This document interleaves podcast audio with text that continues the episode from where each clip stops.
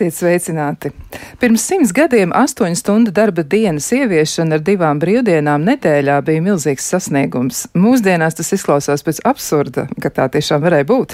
Vēl senākos laikos norma bija 16 stundu darba diena. Nevēl nu, daudzās vietās Rietuma Eiropā ir notikusi tāda kā atbrīvošanās no astoņu stundu darba dienas koncepta jau likumdošanas līmenī. Francijā ar likumu ir noteikti 36 stundu darba nedēļa. Līdzīgi ir arī Skandināvijā un vēl daudzās centrāla Eiropas valstīs. E, ir arī atziņa, ka nav īsti jēgas, ka cilvēki nosēž noteikto laiku, vērtīgāk ir racionāli izmantot darba laiku, strādājot koncentrēti un pārdomāti. Un darba ražīguma ziņā visproduktīvākā valsts ir Luksemburga, kur darba ņēmēji strādā 29 stundas nedēļā. Savukārt Jaunzēlandē ir tāda pieredze, ka e, darbinieks strādā četras stundas, e, nē, es atvainojos četras dienas nedēļā, bet atalgojumu saņēma par piecām un izskatās, ka tur ir bijuši lieliski rezultāti. Atpūtušies cilvēki strādā ātrāk, ar lielāku prieku un atbildību nekā noguruši un e, ar sliktām domām galvā. Vismazāk stundu strādā vācieši, tad dāņi, norvēģi un arī Nīderlandē iedzīvotāji strādā samērā maz salīdzinot ar citām valstīm. Savukārt visvairāk e, strādā meksikāņi, e, korejieši un arī Kostarikā. Izskatās, ka ir ļoti, ļoti garas darba stundas. Šodien domāsim par to, kā ir Latvijā un izpētīsim arī, kā tad ir ar mums pašiem. Mēģināsim saprast, ko īsti nozīmē darba laiks, darba laika apzīmējumi un e, kā arī darba laiku rēķina. Ar jums kopā Kristiāna Lapiņa raidījuma producē Loreta Bērziņa, bet pie skaņa pults ir Katrīna Bramberga. Nu tad aiziet. Arī pieteikšu uzreiz studijas viesus. Pie mums ir praktiskās grāmatvedības speciālisti un konsultanti Māja Grebenko. Sveicināti! Labrīt. Un vēl esam aicinājuši sarunā piedalīties arī juristu konsultantu darba tiesisko attiecību jautājumos, kas par rācināju. Sveicināts! Jā, labrīt! Nu, tad eh, varbūt sāksim ar to, kas vispār ir darba laiks un kāds ir darba laiks eh, Latvijā, jo ir tā, ka liekas, ka visi visu zina, bet eh, nu, dažreiz, dažreiz ir aizmirsies. Nu, tad varbūt sāksim ar visvienkāršāko jautājumu.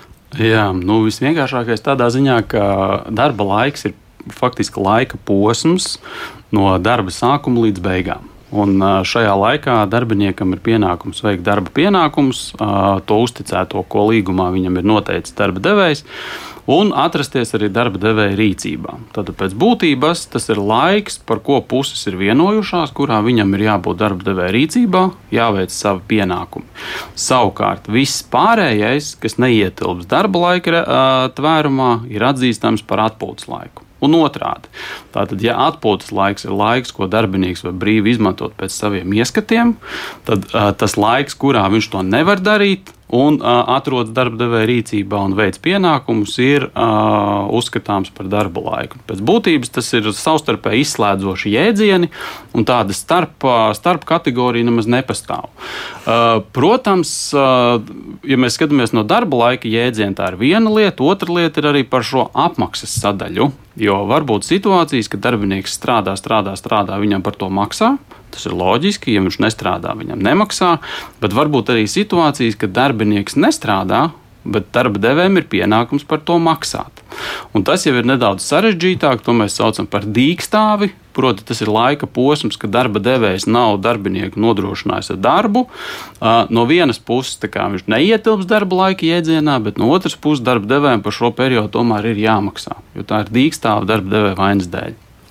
Mums par dīkstāvi arī droši vien nācās domāt, tad, kad sākās pandēmija. Man liekas, tur arī bija tas vārds diezgan bieži tik pieminēts. Jā, ļoti plaši bija pieminēts, un arī šobrīd viņš patiesībā tiek pieminēts. Es zinu, arī ir dažādas likumdošanas iniciatīvas, kur darba devēji ir ierosinājuši, ka, piemēram, dīkstāvas periodā varētu maksāt mazāk, jo šobrīd likums paredz, ka pa dīkstāvas periodu darba devējiem ir jāsaglabā darbiniekam darba samaksa.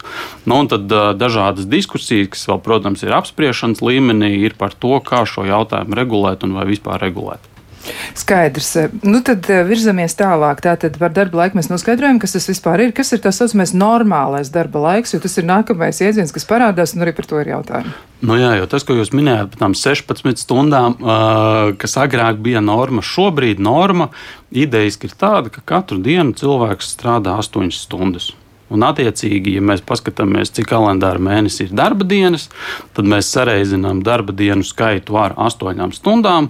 Tā mēs nu, vienkāršot sakot, iegūstam to mēneša normālo darba laiku, kas cilvēkam būtu jāstrādā. Tātad, ja dienā tās ir 8 stundas, nedēļā 40 stundas, nu, tad atkarīgi mēnesī, cik mums ir darba dienas, tur mēs sareizinām un iegūstam vai nu 160, 168, 176. Un tad ir vēl tāda īpatnība, ja, piemēram, darba nedēļas griezuma, nu, kalendāra darba nedēļā mums iekrīt kāda svētku diena, tad automātiski, nu, darba no pirmdienas līdz piekdienai, tad automātiski šī te, uh, svētku diena samazina to saucamo no, normu par astoņām stundām. Un, ja mums ir uh, vēl svētku diena, piekdienā, tad ceturtdienā mums vēl darba laiks ir saīsināms par vienu stundu. Tad mēneša griezumā sanāk, ka tādējādi mēs iegūstam to normatīvo stundu skaitu, ko grāmatveži mīl saukt dažādos vārdos, bet nu, tas ir tā vienkāršoti kā mēs iegūstam aprēķinu, cik normāli cilvēkam būtu nedēļā, dienā un mēnesī jāstrādā. Bet tas attiecas tikai uz Latviju, jo citās valstīs norma, jūs teicāt, norma ir 8 stundas, bet tur norma nav 8 stundas, tur ir mazāks eh, stundu skaits, piemēram, nu, 36, kā Francija vai, piemēram, tāpat Luksemburga ir 29, tad viņiem norma būs cita. Tad viņiem šī norma ir attiecīgi tāda, kāda tur ir noteikta. Mm. Mums noteikt Arī mums mazāk. var noteikt, jā, ko Māja pareizi saka, mm. to saīsināto normālo darba laiku. Tātad puses par to jau šobrīd var vienoties, ka okay, mūsu uzņēmumā būs 38, 35 vai 30 stundas. Tā ir pušu brīva izvēle. Tajāpat laikā, ja darbiniekam, piemēram, ir darbs saistīts ar īpašu risku un viņš strādā vairāk kā pusi no šī darba laika, tad jau likums ir pateicis, ka viņam ir jānosaka saīsinātais normālais darba laiks. Tā arī mums šāda iespēja ir, bet ar izņēmumiem. Skaidrs. Tā tad arī tās. Nu, mums jau ir pirmais jautājums. Viens no jautājumiem, tātad, mm, kurš ir tieši par to, kas ir nu, tas darba laiks, kas nu, tādā mm, izpratnē par to, ka es sēžu, piemēram, pie darba galda vai, vai birojā, tas gluži nebūs par to, bet par ceļu līdz darbam. Un proti, tātad es strādāju mežstrādes nozarē, no mājām līdz izstrādes objektam ceļā pavadītais laiks aizņem vairāk kā stundu abos virzienos. Vai šis laiks, ko pavadu ceļā, būtu iekļaujams apmaksāta darba laikā, un vai ir kāds likums, kas to nosaka, kas to regulē? Mm. Māja grib kaut ko teikt. Nu, uzņēmuma uh, ienākuma nodokļu līmenī ir iespēja kaut kādā veidā piegādāt tos darbiniekus, eh, bet tas ir diezgan sarežģīti noformējams. Uh, bet es gribēju piebilst tam juridiskam skaidrojumam, kas ir normālais darba laiks. Tas man visu apmierina, bet es to normālo darba laiku būtu sadalījusi divās daļās tomēr. Apmaksā maksājumā daļa un atlīdzība. Un tur aprēķiniem ir nozīme. Ja? Tātad darba laiks tas būs tas, ko es strādāju no pirmdienas līdz piekdienai, izņemot svētku dienas, Ja es nestrādāju, ja es strādāju, tad man būs e, tā apmaksa, un tad tur nebūs atlīdzība. Bet, ja cilvēks vienkārši, īpaši pie minimālās algas, pie lielām algām, var vēl um, diskutēt, vai mēs um, piemērojam tās normas, ko mēs piemērojam pie minimālās apmaksas, jo tur ir ministra kabineta noteikumi, kas nosaka, kā apmaksāt to minimumu, nu zemāk vairs nevar. Jā, tāpēc arī tas ir tā robeža no lejas. Jā. Speciāli noteikti noteikumi, bet lielākām algām tādu noteikumu nav. Un no grāmatvedības viedokļa tas ir svarīgi, tāpēc, ka ja mēs runājam par to minimālo algu, tad tās visas darba dienas nostrādātās ja, apmaksās man pēc tās minimālās likmes, bet, ja ir svētki un e, svētku diena, kur man nav jāstrādā, un man darba devējiem nav par ko maksāt, man, vai tā pirmsvētku saīsinātā diena, tad par to periodu maksā atlīdzību. Un kāpēc es uzsveru to? Tāpēc, ka pirmam kārtam tas dod iespēju to minimālo algu tomēr samaksāt pa darbu, un plus tas atlīdzība, tas nodrošina minimālo algu. Bet, ja mēs vēlāk rēķinām vidējo izpēļņu, tad mēs viņu nosakām tikai no tās daļas, kas ir par darbu. Un tas nozīmē tikai to, ka tā likme ir zemāka. Un ministra kabineta noteikumi, e, kas attiecās uz šo lietu, tas ar numuru 656, 656, var ļoti vienkārši likuma LV to atrast. Un savukārt stundas, kādas ir jāstrādā un kādas ir jāatlīdzina, to var atrast Labklājības ministrijas mājaslapā. Tur ir vesela sadaļa, pa ka katram gadam ir izstrādāta, cik tad būtu jāmaksā par to stundu, ņemot vērā, ka normālais laiks ir tomēr pietuvināts tam, tam 40 stundām. Labi, bet tad atgriežoties tomēr pie šī jautājuma ja, par to, ka cilvēks mēģina atrast atbildi uz to, vai viņam var kāds maksāt par to darba devējs. vienošanās. Tas būtu, bet to var iekļaut vienošanās saturā, jā, ja, tas jā, ir iespējams. Protams. Tad tomēr var kaut ko ar to darīt. Labvēlīgāk visu, ko var. Jā, labi. Jā. Nu, tad uzreiz arī nākamie jautājumi. Ja darbinieks, kas strādā maiņu darbu saslimst, slimības naudu jāprēķina tikai par dienām, kad bija plānots strādāt un par tik stundām, kā bija plānots strādāt, bet par cik samazina mēnešu pieejamā darba laika par astoņām stundām par katru slimības dienu. Jeb par plānotajām maiņām. Nu, un, un, nu, kā tad šādā situācijā rīkojas? Ļoti vienkārši rīkojās. Katram grāmatvedim, respektīvi katrā uzņēmumā, jābūt darba noteikumu nolikums. Un e, grāmatvedības valodā tas saucās grāmatvedības politika aprēķinos. Un līdz ar to Eh, kuru um, algoritmu darba, de, eh, darba devējs izvēlēsies, apstiprinās, tā arī būs.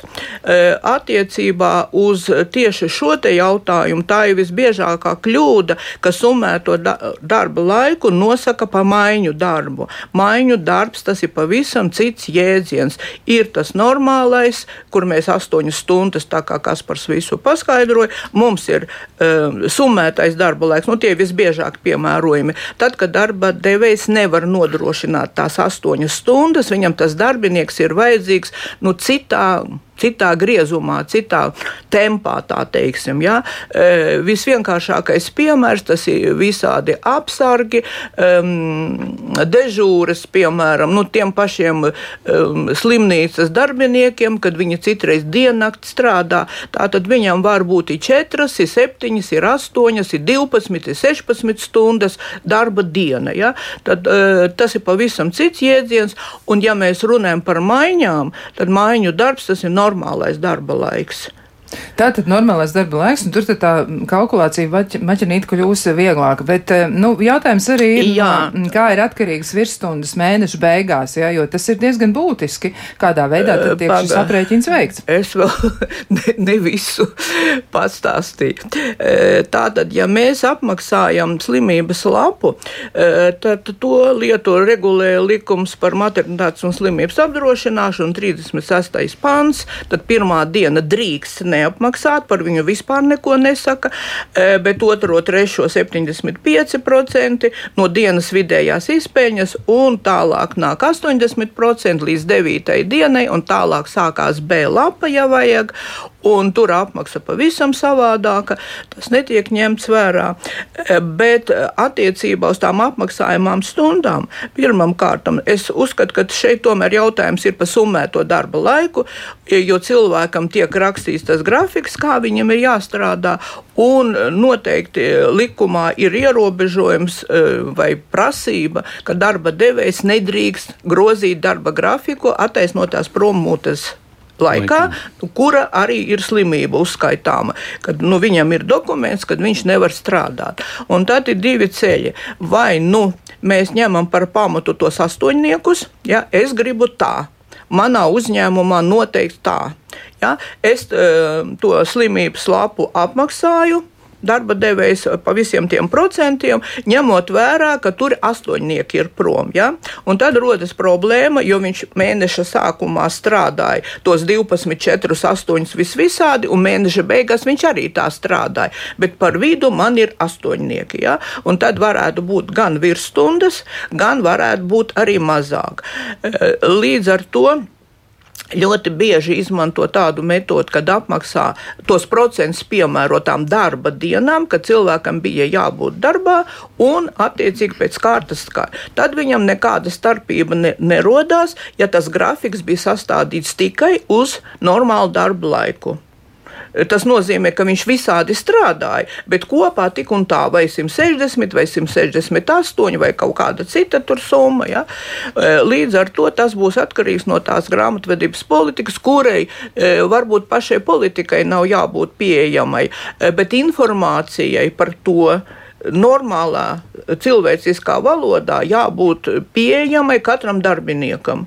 Tad, lai viņš paņem un iet konsultējās, vai pats uh, skatās likumu, vai tā ir, vai tā nav jo tas ir specifiskas zināšanas, nu, nu, kur nav pienākuma katram viņu zināt, bet, ja tu gribi, tad var lūdzu arotbiedrība palīdzēs. Nu, tad noteikti var uzdot jautājumu arī doties pie grāmatvežiem un noskaidrot, kas tad tiek darīts tieši uzņēmumā. Tad jā, arī varēs jā. saprast labāk, kāds būs tas rezultāts. Grāmatvedim ir pienākums jā. paskaidrot, ko viņš aprēķinājis pa mēnesi un kāpēc viņš tā aprēķinājis. Jā, nu te mēs arī nonākam pie tām e, izslavētajām virsstundām, kas būtu mm -hmm. labāk arī jāsaprot, ja tad, e, kas tad tas īsti ir. Un Un eh, viens no jautājumiem arī ir tāds, ka virsstundu darbs nedrīkst pārsniegt vidēji 8 stundas 7 mm -hmm. dienu periodā, ko aprēķina pārskatu periodā, kas nepārsniedz 4 mēnešus. Ko tas nozīmē? Kas Oi, tad ir šis regulējums? Zinat, dieva zīme. Es gribētu redzēt to cilvēku, kas šo, šo te uzrakstīja. Ja? E, pat cik man ir tuva matemātika, e, aprēķināt es visu, ko var, bet vai tik tiešām vajadzēja to grāmatvedi tādā veidā izlocīt, lai viņš e, par tiem četriem mēnešiem vispār tāda perioda uh, neeksistē grāmatvedībā. Ja, mums ir ceturksnis, mums ir mēnesis, mums ir gads, ja, nu, citās vietās vēl kaut kas tur savādāks varētu būt. Ja, bet tie kalendārie per periodi arī nosaka to. E, bet šeit to četri mēneši es varu pateikt, es varu pateikt, bet cilvēks, e, kurš ir tālu no matemātikas, ja, tāda runa ir par ko. Es esmu, es neesmu no darba inspekcijas, ja, bet pieņemsim, es atnāku pārbaudīt. Es skatos tam cilvēkam ir virsstundas, nu, pār pa normālu darba laiku, tas tā kā būtu saprotams. Bet te atkal jārunā par eh, to pārskata periodu. Jo tad, kad eh, pārskata periods ir viens mēnesis, kas ir visvienkāršākā, eh, visvienkāršākais variants, ja, tad, ja mēnesī ir 160, es nostrādāju 168, nu skaidri un gaiši, ka man tās astoņas ir virsstundas. Ja. Bet šādi rēķina par mēnesi tikai pie summētā darba laika. Ja tas ir oficiāls darbinieks, tad tur ir pavisam citi ierobežojumi. Ierobežojumi sākās ar otro stundu, un tas ir citā pantā rakstīts, eh, kas ir normālais darba laiks, eh, kad es vienu dienu varu stundu vairāk pastrādāt, tad otru dienu mazāk. Un nedēļas ietvaros, jo ir teikums, ka jāievēro nedēļas darba laika. Bet, no, jā, kas par varbūt jā, jūs varat vienkārši, vienkāršot, es tā domāju, ja mēs paskatāmies, ka ir četru mēnešu periods, tad četros mēnešos mēs saskaitām, cik šajā periodā ir mm -hmm. septiņu dienu periodi. Jā. Tad šo te mēs izdalām ar septiņu dienu periodiem, un kad šajā periodā uh, reāli nedrīkstēs būt vairāk kā uh, astoņas stundas. Jā, jā ideja ir balstīta tajā, ka, ja normālais darba laiks mums ir 40 stundas nedēļā, tad arī no direktīvas izriet, ka vairāk kā 8 stundas šajā nedēļas periodā nedrīkst būt virsstundas. Un tas ir tas maksimālais, ko darbinieks drīkstētu strādāt. Bet, redz, no vien, jā, jā, jā, un tā ir tā lieta, ka ja vienā nedēļā, piemēram, pie normālā darba laika tas mums būtu 48 stundas, kas ir maksimums, ko var strādāt, tad ņemot vērā, ka mums ir tas īpatnējais summētais darba laiks, kas atļauj vienā nedēļā pārsniegt arī šo normālā darba laika normu,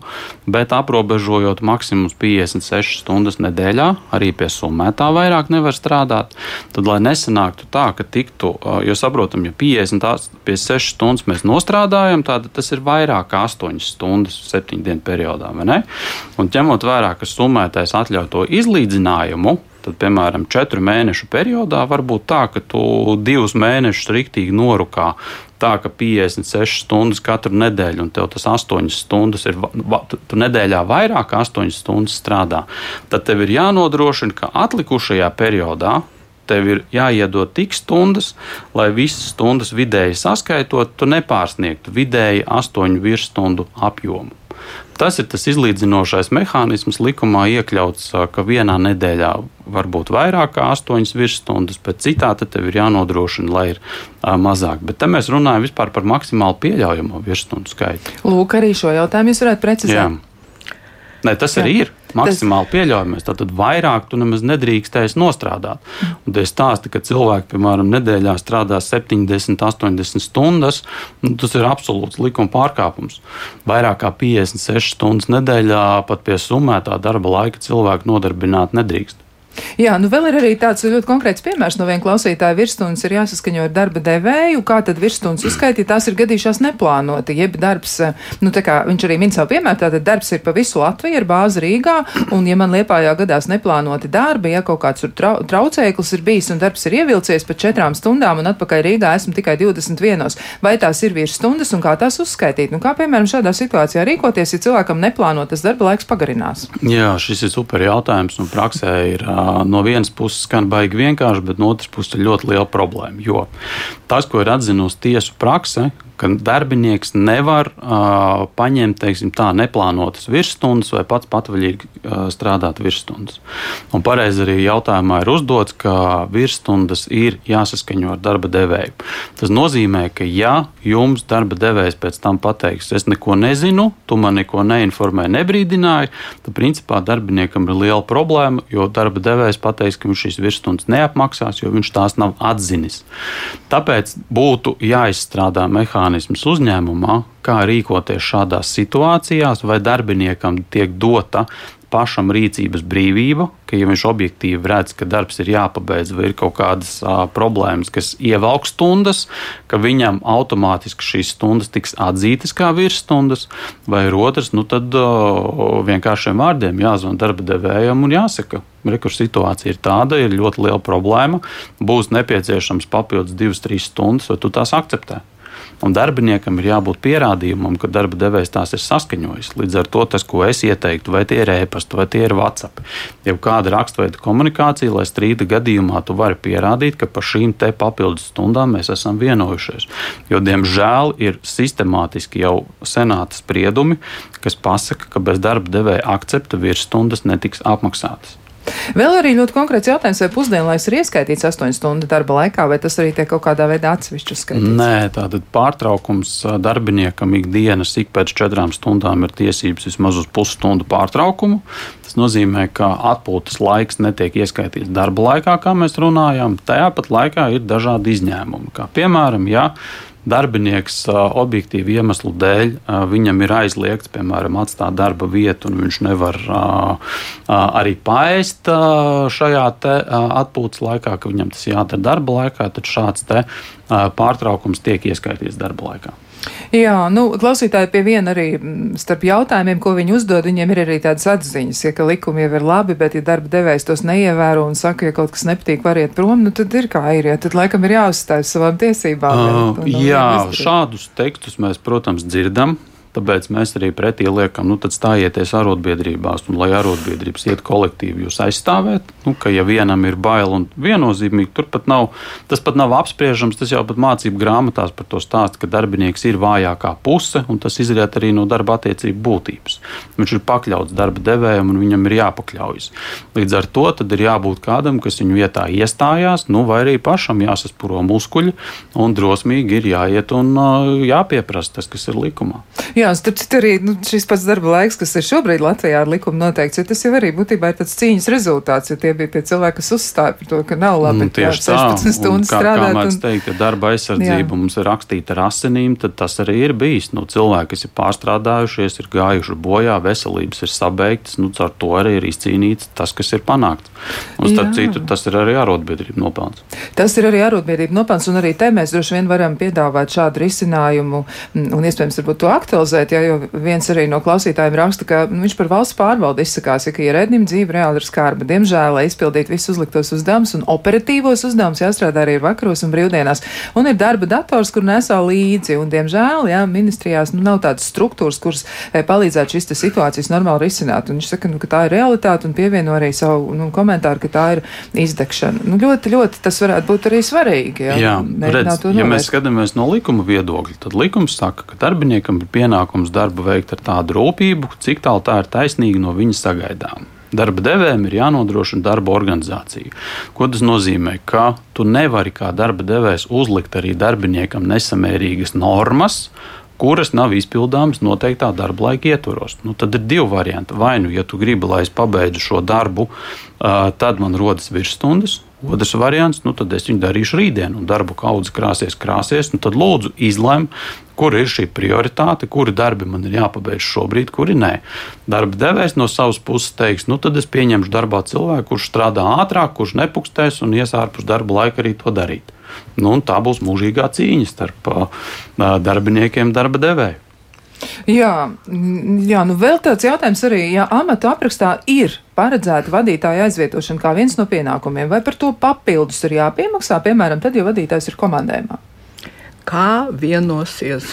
Viet, ja viņš ir vietnieks, tad viņam pienākumos būs ierakstīts, kad viņam ir jāizvieto viņu, un viss tāpēc viņš, kad priekšnieks ir, tad viņš kaut ko citu dara.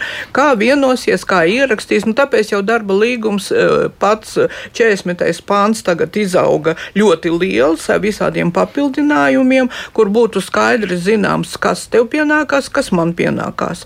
Un tā, lai būtu pierādījumi, nu, šī gadījumā es uzskatu, ka likumdevējs tieši nodrošināja to ka tas ir ierakstīts, ja, tad es arī varu cīnīties. Neviens par mani necīnīsies. Ja, kā, kā mēs nepukstētu, kas mums nepatīk kaut kas darba vietā, kamēr mēs te esam un kamēr mūsu tiesības ir pārkāptas, mums ir tiesības uh, cīnīties un ir iespēja cīnīties.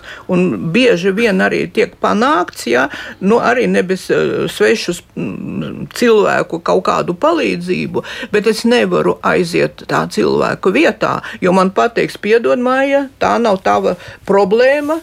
Lai tas cilvēks nāk, jo viņš var ne visu līdz galam man pastāstīt, kas viņam tur ir. Ja? A, kad sāka šķietināt to problēmu, nu, tad arī nu, pienāk, nu, kāpēc mums tādi tiesas lēmumi ir it kā situācijas vienādas, bet lēmums te ir pa labi, a te atkal nu, pa kreisi. Ja? Jā. Nu, man nu, gribētos tomēr sīkumi. nedaudz to darbinieku aizsardzības, no darbinieku aizsardzības perspektīvas paskatīties, kas tad mums ir papildus darbs. Tātad vienlaikus pie tā paša darba devēja papildus pamatdarbam veids papildu darbu. Likums nosaka, ka ir tiesības saņemt šādu piemaksu. Protams, piemaksas apmērs pušu vienošanās jautājums, bet, ja mēs no vienas puses raugāmies, tad darbinieks, darba devējs pateiks, tev līgumā ir ierakstīts, tev pienākums ir pildīt, tas jau ietverts tavā darba samaksā. No otras puses, nu, ja mēs šādi skatāmies, nu, tad mēs varam aiziet pilnīgā absurdā, ka darba devējs darba līgumā ierakstīs visu profesiju klasifikatoru, ka darbiniekam ir pienākums aizstāv, aizstāt pilnīgi visus uzņēmumā nodarbinātos, un neviens neko nesaņems piemaksu. Tas tāds ekstrēms piemērs, lai parādītu, ka nevar aiziet absurdā. Un ja šis amats uh, ir ļoti ciešā sasaistē, tad es teiktu, varbūt šāda pielaide var būt, iekļaujam iekšā, ja tas nes, neaizņem nesamērīgu uh, darba daļu, nu tad, kā saka, pats parakstījies. No otras puses, ja jūtams, ka šis amats jau ko te uzliek papildus pildīt, iziet ārpus uh, tavu komforta zonas un saprātīguma, nu tad viennozīmīgi par to būtu jāiestājās, ka ir jāsaņem gan saskaņojums, gan arī jāpieprasa papildus piemaksas. Skaidrs, tā tad noteikti ir jācīnās jācīnās par sevi. Bet eh, jautājumi birst kā no pārpilnības raga, un mums noteikti arī uz tiem būs jāmēģina atbildēt, bet to mēs darīsim pēc savas nelielas atpūtas. Kā labāk dzīvot? Mēs turpinām savu sarunu par to, kā saprast darba laika jēdzienu, kā uzskaitīt darba laiku, kā saprast to, kas ir virsstundas, normālais darba laiks, summētais darba laiks un tā joprojām. Mēģinām tātad orientēties šajos te visos apzīmējumos un arī nozīmē. Un um, atgādināšu arī studijā mums ir viesis praktiskās grāmatvedības speciālists un konsultanti Maija Grebenko un arī jurists konsultants darba tiesisko attiecību jautājumos Kaspars Rācinās. Um, mazliet atgriežoties pie ārotbiedrībām, klausītāji diezgan daudz ir komentējuši. Varbūt mēs mēs varam tādu kopsavilkumu iedot. Ja, jo viens no arī komentāriem ir šāds, ka ierēģiem nav arotbiedrības. Tā nebūs tiesa. Ja par arotbiedrībām, nu, tad varbūt tāda ļoti konkrēta komentāra. Tad arī valsts ierēģiem ir tiesības uh, dibināt arotbiedrības. Arotbiedrības ir, uh, ieiet arotbiedrības savā mājaslapā, tur ir uh, attiecīgi pa nozarēm var atrast un uh, tā kā droši stājieties un aktīvi tikai rīkojieties. Viss ir atkarīgs no pašiem. Jā, e, nu, un savukārt atgriežoties pie virsstundām un citām stundām, ja dažādām, tad e, viens tāds e, konkrēts jautājums ir, vai par virsstundām jāmaksā katru mēnesi, vai arī var maksāt trijos mēnešos vienu reizi par visu kopā. Kā tad ir? Ko paredz likums? Jā, šo es varētu pateikt. Tātad ņemot vērā, ka darba samaksa aprēķina darbiniekiem katru mēnesi, tad algu, protams, izmaksā un virsstundas aprēķina ik mēnesi, bet Te ir tā īpatnība summētā darba laika darbiniekiem. Tātad tur ir jāskatās, kāds ir noteikts viņiem pārskata periods. Ja pārskata periods ir mēnesis, tur jautājumu nav. Ja pārskata periods ir garāks, tad virsstundas tiek aprēķināts pārskata perioda beigās. Tad, ja tie ir trīs mēneši, visdrīzākais šajā jautājumā, tas nozīmē, ka katru mēnesi darbinieks saņem savu algu, bet pārskata perioda beigās tiek konstatēts, vai ir virsstundas. Un, ja virsstundas tiek konstatētas, tad par tām arī pārskata perioda beigās atbilstoši samaksā. Jā, nu vēl arī tāds konkrēts jautājums, cik pareizi ir praksē autovadītājiem veikt samaksu par nobrauktiem kilometriem, izvestajām kravām vai saņemt dienas samaksu, neņemot vērā darbā pavadītās stundas. Um, nu, kā tad tas tur būs? Kilometri, kas ir nobraukti, un kaut kādas kravas, un tad ir dienas samaksa. Tātad Jā, par... Par, par šiem vadītājiem nav manā ikdiena, lai es varētu precīzi pateikt par tiem kilometriem. Ja es nemaldos, kaut kur bija teikts, ka direktīvā ka nedrīkst maksāt par nobrauktajiem kilometriem ideiski, bet te ir jānošķir divas lietas. Viens ir darba laika uzskaita un tā notiek neatkarīgi no tā, kādus darba pienākumus tu veic. Otra lieta ir, par ko tev samaksā. Un tur var būt šī samaksa atšķirīga. Gan tev var maksāt par paveikto darbu, gan cietu samaksu, neatkarīgi no paveiktā darba, gan par kaut kādiem papildus specifiskiem pienākumiem maksāt vēl atšķirīgāk. Līdz ar to tas, kas ir svarīgi, ka mums tiek nodrošināta minimālā alga, un tad var veidot dažādu veidu piemaksas atkarībā no tā, kādus darbus tu dari. Ja tev, piemēram, esi nolīdzis, ka tev dienā maksās X summu, ok, formāli likums šādu konstrukciju neaizliedz, bet jebkurā gadījumā stundu skaits būs jāuzskaita, un ja veidosies virsstundas, tad tev papildus tai summai, kas ir pa dienu nolīgta, tāpat tās nāksies maksāt virsstundas. Tu nevari tādā universāli vienoties, ka, piemēram, es darbiniekam maksāšu 1000 eiro, un tajā ir iekļauts iekšā arī visas virsstundas, svētku dienas un tā tālāk. Nē, šādu te likums neatļauj. Ir jābāzē pa katru stundu par virsstundām būs atsevišķi jāmaksā. Mums ir arī klausītājs zvans. Mēs varam noteikti arī šajā brīdī pievērsties tam. Mēs klausāmies, lūdzu. Uh, labrīt! Nu, man ir divi sakāmie.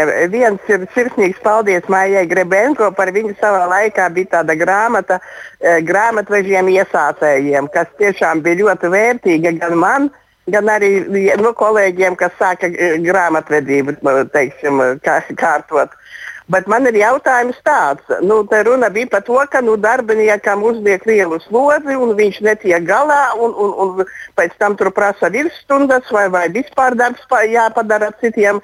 Bet kā ir ar smēķētājiem? Es esmu pati nu, darbā redzējusi, ka ir darbinieki, kuri pat to dienu, nu, es teikšu, gan arī septiņas, astoņas reizes iet smēķēt Nu, un, un ka pārēc vienreiz izdarītas pēc pareiķināt, tur ap stundu sanāk. Un, un, kā viņiem to un beigās, jā, viņš prasa vai nu divas stundas, vai nu darbs paliek nepadarīts. Kā ir ar smēķētājiem? Paldies! Jā, tāds diezgan uh, aktuāls jautājums, bet tas varbūt ir vairāk saistīts ar to, nu, tur ir arī darba laika uzskaita. Numur jā. viens, jo kā mēs sākām pašu pirmo teikumu, kas ir darba laiks, Tātad, tad, kad pilda savus pienākumus, atrodas darba devēja rīcībā. Tātad, ja darbinieks darba laikā, un šeit mēs varam vispārināt gan smēķētāji, gan kafijas pauzētāji, gan tie, kas Facebookā sēž un uh, pārbauda, ko mīļotā sieva ir atsūtījusi, tātad visi šie te uh, ārpus darba pienākumu izpildes veiktās darbības pēc būtības nevar tikt atzītas par darba laiku. Tas nozīmē, ka tas ir jāņem ārā. Jautājums par to, kā un vai darba devējs to specifiski uzskaita, tas jau ir sekundārs un uzņēmumā tad būtu jārisina.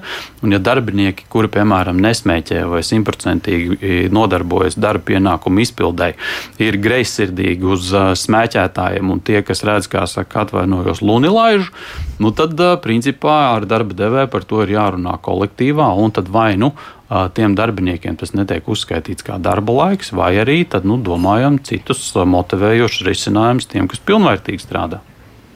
Jā, nu, vēl tāds arī jautājums ir par, nu, teiksim tā, tā ir tāda valsts struktūra, ja, kas ir mums ļoti nozīmīga, un tur ir tāda konkrēta situācija, ja, tā tad ir m, eksperti, nosauksim to tā, ja cilvēki tātad, kas nodarbojas, viņiem ir tāda, tāda īpaša pienākuma, un eksperti ir spiesti strādāt m, pēc trīs mēnešu izlīdzinātā summētā tāda grafika, jeb darba laika, un šo te grafiku sastāda priekšnieks, ja turklāt darbs tiem, kuriem ir dežūra, tas ir tādā rotējošā kārtībā, kas tiek organizētas 24 stundu maiņās. Un, ja nodgriežņa beigās sanāk, ka tas apjoms ir pārstrādāts, tiek ņemtas nost maiņas vai pretēji liktas klāt. Ja? Un tad ir tā, ka šīs atskaites nonāk tātad, nu, tur galvenajā struktūrā, ja, un pēc tam tiek aprēķināts samaks. Un vai tas varētu būt šīs struktūra vienības patvaļīgs lēmums, vai arī tas ir valstiska tāda mēroga aprēķins, lai nu, ekonomēt uz jau tādiem jau noslogotiem, ja šīs struktūras darbiniekiem, un vai tas gadījumā tomēr nav pretiesisks, ja, un, un, un līdzīgs tas jautājums ir arī, piemēram, te, piemēram, nu, kā komentārs ir vēl klāt, ja par pavāru darbu, ka virsstunda aprēķins neeksistē, pat ja strādā 220 stundas mēnesī, likme ir viena un tā pat, vai šāds nianses kāds kontrolē, ja, nu, tas ir jautājums. Uh, par kontroli noteikti uh, numur viens. Tātad darba devējiem ir pienākums uzskaitīt visu darba laiku, Darba devējam katru mēnesi ir jāizsniedz darba samaksas aprēķini. Darbiniekam ir tiesības ar tiem iepazīties, un, ja rodas neskaidrības, likums uzliek par pienākumu darba devējam izskaidrot, kā ir aprēķini veidojušies. Šajos aprēķinos ir jānorāda visas norādītās darba stundas, un jābūt skaidri saprotamam, kā ir veidojusies šī darba samaksa. Gan alga, gan visa veida piemaksa. Tas ir atbild uz pēdējo jautājumu.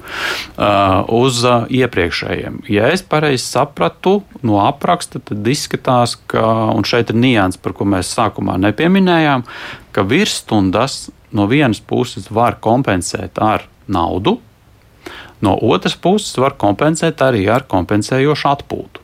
Apmaksāt kompensējošu atpūtu. Tas nozīmē, ka, ja tu, piemēram, vienā nedēļā nostrādā 8 virsstundas, tad nākamajā nedēļā darba devējs var pateikt, ka tu strādās 32 stundas, nu, respektīvi par 8 stundām mazāk, bet tu saņemsi tāpat tās par šīm 40 stundām. Iespējams, ka aprakstā izklausās, ka, ja darbinieki ir nostrādājuši pārskata periodā veidošās virsstundas, ka viņam tās tiek kompensētas ar mazāku stundu skaitu nākamajā pārskata periodā. Jā, nu tā izklausās. Ja tas tā ir, tad izklausās, ka tas varētu būt arī atbilstoši likumam. Vienīgais, ko paredz likums, ka tajā brīdī, kad puses vienojās par virsstundu darbu veikšanu, ir jāvienojās, kā tās tiks kompensētas. Vai ar atpūtu, vai ar uh, samaksu naudā. Un tad būtu arī jāvienojās, kādā veidā, ja tā atpūta tiek piešķirta, tad lai nav tā, ka atpūta tiek piešķirta galīgi darbiniekiem neizdevīgos posmos, bet arī jāvienojas uh, apusēji, kā atpūtu kompensēs, piemēram, tad, kad nu, darbinieks arī piekrīt, ka viņam iedos tās brīvās stundas.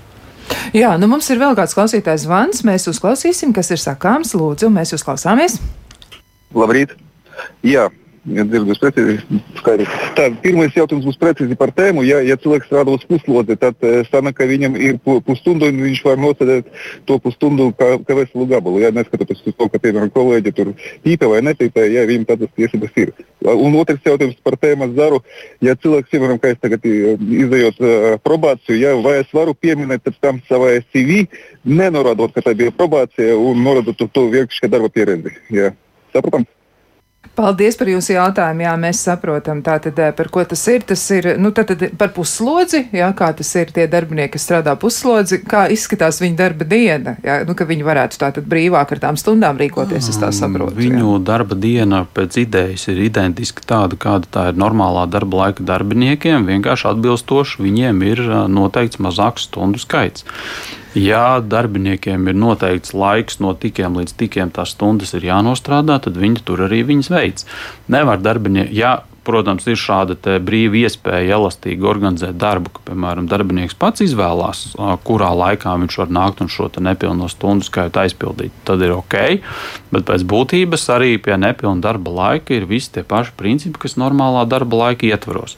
Savukārt, tur, kur ir atšķirība un ko bieži jauc, tātad, ja mēs esam vienojušies ar darba devēju par 4 stundu nepilnu darba dienu, Tad, ja darba devējs grib un rodas nepieciešamība, ka darbinieks nostrādā piemēram 5, 6, 7, 8, tad numur viens par to ir jāvienojas. Tieši tāpatās kā par virsstundām. Numur divi ir jāvienojas, kā šīs papildus stundas tiks apmaksātas. Numur trīs tās nav uzskatāmas par virsstundām. Jo virsstundas būs tikai tās, kas iet virs normālā darba laika. Līdz ar to šai darbiniekiem nevajag brukt virsū darba devējiem, ka viņi netiek, nesaņem piemaksu par uh, virsstundu darbu, jo šādas virsstundas nemaz neizveidojas. Un tas ir tāda uh, strīdus nesaprašanās starp darbiniekiem, darba devējiem dēļ nezināšanas. Bet, ja rodas stundas nostrādātas jau ir virs astotās stundas, nu, tad tās gluži loģiski ir arī uh, atzīstamas par virsstundām ar attiecīgu piemaksu. Jā, nu, man liekas, arī par to jautājumu otru daļu, ja, tā, ja es pareizi saprotu, ka tā ir probācijas uzraudzība, tad tā ir tiesas noteikti sankcija saistībā ar kaut kādu visticamāk noziedzīgo nodarījumu. Līdz ar to diezin vai to varēs uzskatīt par darba pieredzi. Ja tā varētu būt tāda, manuprāt, diezgan eh, interesanta doma, bet diezin vai eh, tas varētu tā tikt interpretēts. Uh, nu, ja jautājums ir tāds, uh, vai, piemēram, brīvprātīgo darbu suņu patversmē, vai es esmu brīvprātīgi palīdzējis valsts iestādēji vai, vai kādai uh, sociālai oficiālajai institūcijai uztaisīt mājaslapu, nu, protams, es to kā savu darbu ko es esmu reāli izdarījis, varēšu uzrādīt. Jā. Jautājums ir par to, vai tas man skaitās darba stāžos un tam līdzīgi. Nu, tur es neesmu speciālists, tur tad jājautā ar sociālajiem. Jā. Kā, kā tad tur būs? Bet, ja tajā laikā ir veikts kāds darbs, nu, tad, nu, loģiski, protams, tas, tas, nu, būs, parāda jā, to, ko tu esi darījis. Jā. jā. Nu, lūk, vēl arī tāds ļoti konkrēts jautājums ir, ja virsstundas ir kā avārijas remonti, vai tur ir kaut kāda ierobežojuma laika ziņā? Jā, nu, arī šāds variants. Nu, attiecībā uz ierobežojumiem laika ziņā ir noteiktie pamat, pamatnosacījumi. Tātad, ja, ja, ja tas ir summētais, tad vienīgais ierobežojums būs 56 stundas nedēļā vai vidēji 8 stundas 7 dienu periodā, pārskatu periodā. Tagad tas ir ierobežojums kā jebkuram. Tas, kas atšķirās ar avāriju, ir ka šajā gadījumā darbinieku var nodarbināt bez viņa rakstveida piekrišanas. Tas būs īpašs izņēmuma gadījums, ka objektīvi šādu piekrišanu rakstveidā nevar saņemt. Jā, nu, arī te tāds komentārs par katru nostrādāto eh, stundu pienāks 5 minūtes atpūta. Es īsti nezinu, vai 5 minūtes, man liekas, ka tur arī darba aizsardzības normatīvi nosaka nu, atpūtas laiku. Jā, nu, un te, nu labi, par tām 5 minūtēm tad arī pīpojam, jā, bet ir viens, es, regu, es nesmēķēju, man tā bija gatavā traģēdija, kad es apsēdos atpūsties, tajā 5 minūtē regulēja priekšniecības uzbraucienu, vai nu pīpē kā citi, vai ej un strādā. Nav te ko slaistīties. Bet man liekas, ka darbiniekam ir tiesības atpūsties, ja tajā darba laikā tomēr drusciņi. Nu, ja nosaka darba kārtības noteikumi, jo uz konveira, piemēram, cilvēks strādā, nu, konkrēts darbs prasa konkrētu risinājumu. Jā. Nu, tā ir. Vēl arī e, jautājums, un šeit gan tas varētu būt saistībā ar tādām apmaksas lietām. Ja pēc pandēmijas turpina strādāt no mājām, darba devējs apmaksā tikai internetu un tālruņa izmaksu un nodrošina datoru. Darba vide, krēsls, galds, elektrības siltums ir manā ziņā, un vai tas ir taisnīgi? Ja? Nu, tāds jautājums, ko tad nu, šeit ir? Noteikti, jā, bet te ir jānošķir divas lietas. Tātad pirmā lieta ir darba aprīkojums. Darba aprīkojuma iegāde viennozīmīgi nodrošināšana ir darba devēja atbildība. Tātad, ja ir nepieciešams darbiniekam galds, krēsls, dators, tad tas ir jānodrošina darbiniekam. Otra lieta ir par izdevumiem, kas ir radušies saistībā ar attālinātā darba izpildi. Likumā ir noteikts, ka tādus izdevumus sedz darba devējs. Tajā pat laikā darbiniecei uzmanīgi ir jāizlasa, vai viņai līgumā nav ietverts, ka izdevums uzņemās viņa pati. Jo likums atļauj pusēm arī vienoties par to, kurš tad seks un kādā apmērā šos izdevumus. Tātad izdevumi par papildus elektrību, apkuri, ūdeni, tolēts papīru un dzeramo ūdeni, kas līdz šim tika darba vietā nodrošināts, tad šo izdevumu pozīciju var vienoties, kā pārnes uz darbinieku pleciem. Mm -hmm, labi, vēl ir jautājums, ja darbs ir ārpus Latvijas, jā, gan Lietuvā, gan arī tepat pie Igauniem, un jābrauc ar auto turp un atpakaļ. Darba diena sāks 6.30, kad izbrauc atbrauc mājās pēc 22. Kā tad tiek uzskaitīts darba stundas vai brauciens, tās 6-8 stundas tiek rēķināts darba laikā? Nu, šis arī ir tāds variācija. Ja? Te bija viens jautājums par mājām un darbu, kā tur nokļūt. Jā, un, un nu šajā komandējuma braucieni, man liekas, tas jautājums, kur visi kratās vaļā un neviens godīgi nevar atbildēt. Un, Šis ir brīdis, kad var mēģināt izdarīt. Nu, redz, tur, tur jāpaskatās no diviem aspektiem. No vienas puses, ja mēs uzskaitīsim visu darba laiku, ko pavada braucienā uz un atpakaļ komandējuma vietu, tad var sanākt tā, ka darbinieks jau aizbraucot uz Austrāliju būs iztērējis visu nedēļas darba normu un uh, konferencē viņš nemaz nedrīkstēs piedalīties. Līdz ar to nu, tas ir tāds uh, pelēkais, uh, pelēkais lokus, kurā es teikšu, godīgi, es pat tādu līdz galam skaidru, precīzu valsts institūciju viedokli neesmu redzējis noformulētu. Jo no vienas puses ir pamatīdeja, ka darbiniekam dodoties komandējumā tiek saglabāta darba samaksa. Ja viņš nevar atgriezties at, pa katru uh, braucienu ārpus valsts, viņam tiek maksāta arī komandējuma dienas nauda. Nu, tas darba laika periods, nu, ir tāds, kur uh, visi, uh, visi saka, cenšas izvairīties no atbildes. Nu, šajā situācijā droši vien būšu viens no tiem, kurš izvairīsies. Arī jā, to, uh, tāpēc, ka nav uz ko, at, at, at, nav uz ko atsaukties. At, jā. jā.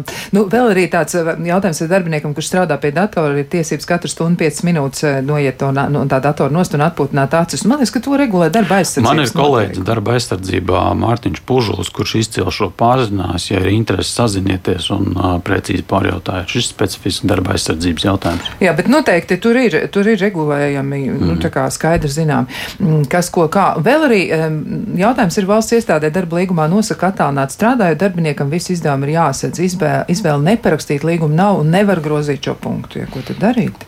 Nu, redz, nu, tas ir tas, ka valsts pati institūcija ir izvēlējusies uzlikt uz darbinieku pleciem to attālināto, nu, ņemot vērā, ka no likuma viedokļa tā ir vienošanās, tad nevar būt, ka tā ir bijusi piespiedu kārtā. Nu, ja darbinieks ir pakļāvies, nu, kā saka, šeit arī ir jāsaprot, ka nevar darbinieks visu laiku teikt, man piespiedu un tā tālāk. Ir jāuzņemās arī zinām atbildība par to, kādus dokumentus parakst un situāciju, kurai piekrīt. Nu, tad ir jābūt tādam stingrākam. Nu, ir jāsasparojās, vai arī jāpieņem un uh, jādzīvo tālāk. Jā, nu te arī tāds sveiciens vienam arī no dienestiem, bez kura mēs nekā nevaram iztikt, ja glābšanas dienests, un šeit ir arī pieminēts, ja tas ir saistīts tieši ar ugunsdrošību, un uh, tur neviens ne par ko nevienojas brīvi iedod, kad iedod. Un tur nav vainīgs arī tiešais priekšnieks, jā, bet gan tas regulējums no augšas. Jā, un ko tad darīt šajā situācijā? Un droši vien arī tad ir jāvienojas. Ejiet jā. pie arotbiedrības un jā. prasiet palīdzību. Jā. Viņiem ir sava arotbiedrība. Jācīnās, puiši. Mēs tiešām ļoti, ļoti jūs augstu vērtējam, un mums vajag, lai jūs būtu labi apmaksāti, atpūtušies un, un tiešām um, spētu būt modri.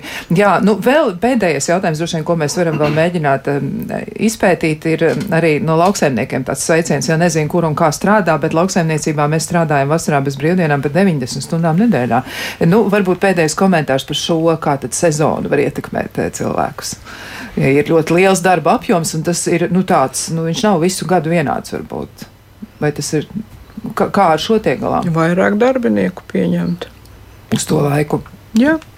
Jā. Tieši tā, un sezonas darbam atļauj arī terminētus līgumus. Līdz ar to nu, te ir divi varianti. Nu, stundu skaitu mēs palielināt nevaram, tad mēs palielinām to skaitu, kas šos darbus veids. Mm -hmm. Jā, nu vēl te bija arī tas pats pēdējais paskaidrojums, droši vien, ko mēs vēl varam iestarpināt ja, par, par iepriekšējo jautājumu tieši par šo te komandējumu. Ja ka komandējuma dienas nauda par vienas dienas braucienu netiek maksāta, ja brauc tas pats darbinieks ar auto, nu, tad tur arī droši vien ir. Kāpēc? Jā, nu, tas jau ir tā, MK noteikuma pārkāpums. Jā, tad tur, tur ir pavisam cits kas... risinājuma veids. Jā. Jā. Vai nu valsts darba inspekcija, vai arī jāceļ prasība tiesā, lai piedzītu šos izdevumus, kas no likuma izriet, bet netiek piešķirti.